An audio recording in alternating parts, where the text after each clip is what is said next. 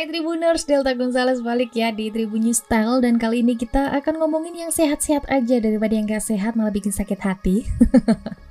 nah, ini biasanya penyakit-penyakit kronis ya dan berat pasti disangkut pautkan dengan para orang yang usianya udah tua, gitu kan? Tapi jangan salah nih, penyakit itu bisa datang di usia manusia saat masih muda loh. Jadi kamu yang masih usia milenial, masih ya sekitar 20-30an, waspada aja nih kalau ada penyakit yang menyerang. Tergantung dengan pola hidupnya ya, sehat atau tidak. Nah, yang paling ngeri di sini ya guys ya, adalah penyakit ginjal.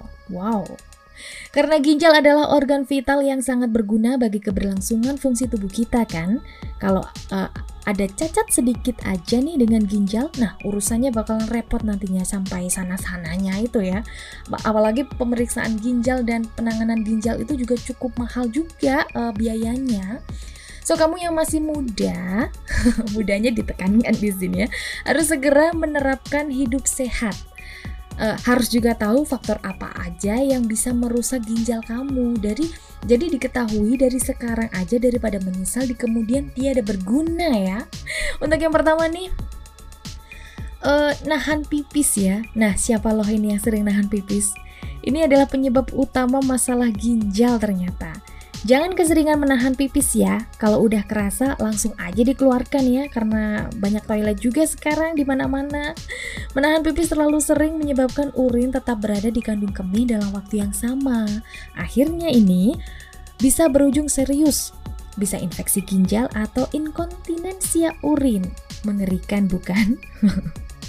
Untuk yang kedua, kita tahu ya, fungsi ginjal itu untuk menyaring racun dan fungsi ini akan berjalan ketika dalam tubuh ada asupan cairan yang cukup. Harus waspada nih buat kamu yang kurang minum air putih dalam sehari. Diukur lagi ya guys ya. Kekurangan minum ini bisa membuat seseorang akan rentan menderita penyakit ginjal.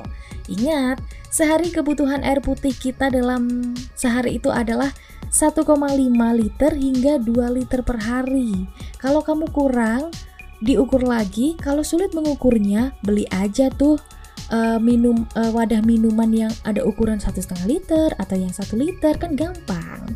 Untuk yang ketiga ini konsumsi garam dan gula berlebih. Nah, jadi selama ini kalau kita makan, ya makan-makan aja pastinya kan ya, asal makanannya enak dan sikat pokoknya. Tapi nampaknya mulai sekarang kalian harus mempertimbangkan kandungan makanan yang kalian makan itu. Bahan yang perlu kamu perhatikan lebih pada gula dan garam di dalamnya. Nah, yang pertama nih, kebanyakan garam. Ginjalmu harus kerja lebih ekstra untuk membuang kelebihan natrium. Nah, ini bisa membuat fungsi ginjal menurun loh. Nah, untuk kebanyakan gula, tentu akan meningkatkan diabetes dan perkembangan tekanan darah. Disarankan, asupan garam dalam sehari nggak lebih dari 0,75 sendok teh.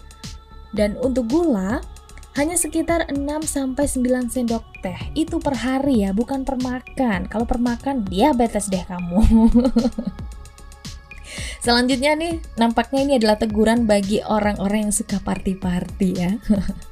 Balik lagi ke tadi ya guys ya, ginjal memiliki fungsi menyaring racun dalam tubuh termasuk alkohol. Nah, So, buat kamu nih yang suka banyak beralkohol yang masuk ke tubuh kita, bisa berubahlah fungsi ginjalmu itu. Jadi alkohol ini juga bisa membuat tubuh mengalami dehidrasi. Organ ginjal pun bisa jauh dari kata normal kalau kamu kebanyakan minum alkohol. So, kurangi pelan-pelan dan tinggalkan sekarang juga. Untuk yang kelima adalah faktor kurang gerak. Nah, ini mungkin masalah serius buat kamu para pekerja kantoran ya karena tiap hari cuma kerjaannya duduk di depan kan di depan komputer gitu ya. Hati-hati karena itu tandanya kamu kurang gerak. Duduk dalam waktu lama tanpa bergerak bisa meningkatkan resiko penyakit ginjal ternyata. Terapkanlah pola hidup aktif mulai dari sekarang. Jadi usahakan ya, olahraga setidaknya itu 1 sampai 3 kali seminggu. Dan ingat jangan berlebihan tentunya. Aktivitas fisik ini akan mempengaruhi peningkatan aliran darah dan metabolisme glukosa. Kedua hal ini merupakan faktor penting untuk kesehatan ginjal.